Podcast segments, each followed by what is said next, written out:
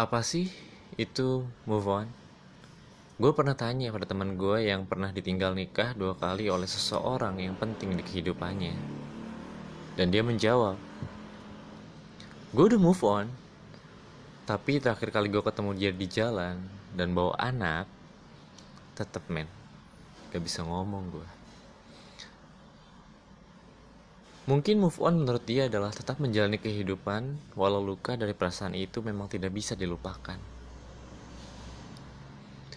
Mungkin pendapat itu juga benar, karena kenangan memang tidak bisa dibunuh dengan hanya sebilah waktu dan angan tentang sesuatu yang baru.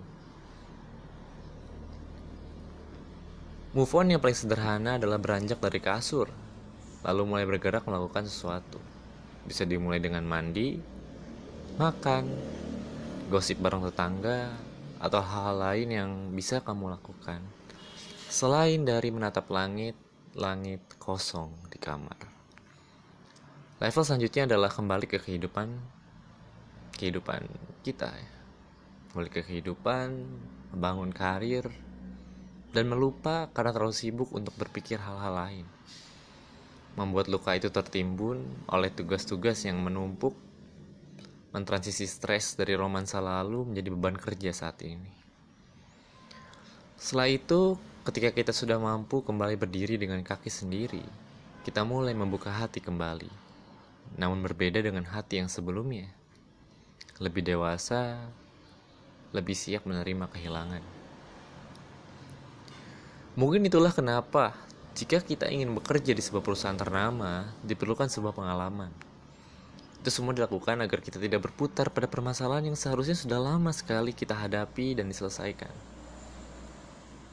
Mulailah kalimat yang pernah terlontar seperti Aku nggak tahu harus gimana lagi kalau enggak sama kamu berubah redaksi dan lokasi ke orang yang berbeda dengan kalimat yang lebih bijaksana.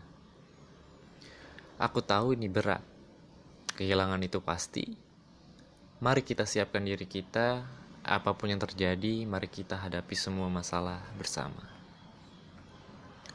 Kehilangan adalah bagian yang tak terelakkan di kehidupan kita. Dengan mengetahui betapa menyiksanya, rasa dari kehilangan membuat kita semakin takut untuk memulai karena tahu akan resikonya. Sebuah resiko yang tidak sebanding dengan bergalon-galon air mata. Dibalut dengan perkawinan kata dan rasa, seperti suka, sayang, dan cinta yang sebenarnya memiliki makna yang sama, namun dibedakan dibedakan waktu dan cara menggunakannya.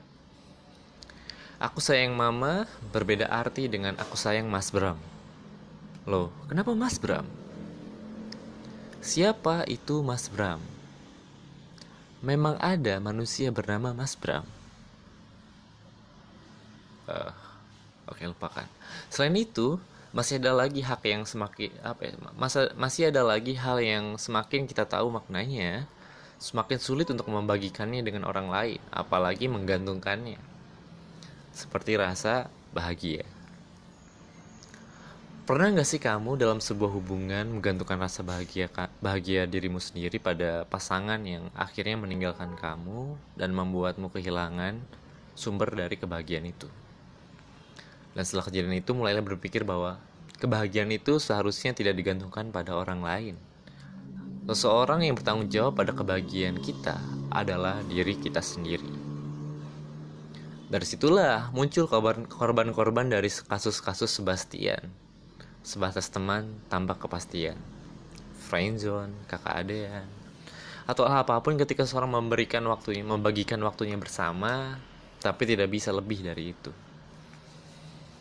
karena rasa sakit dari masa lalu itu tetap membekas dan menyayat di imajinasi ketika ingin memulai kembali.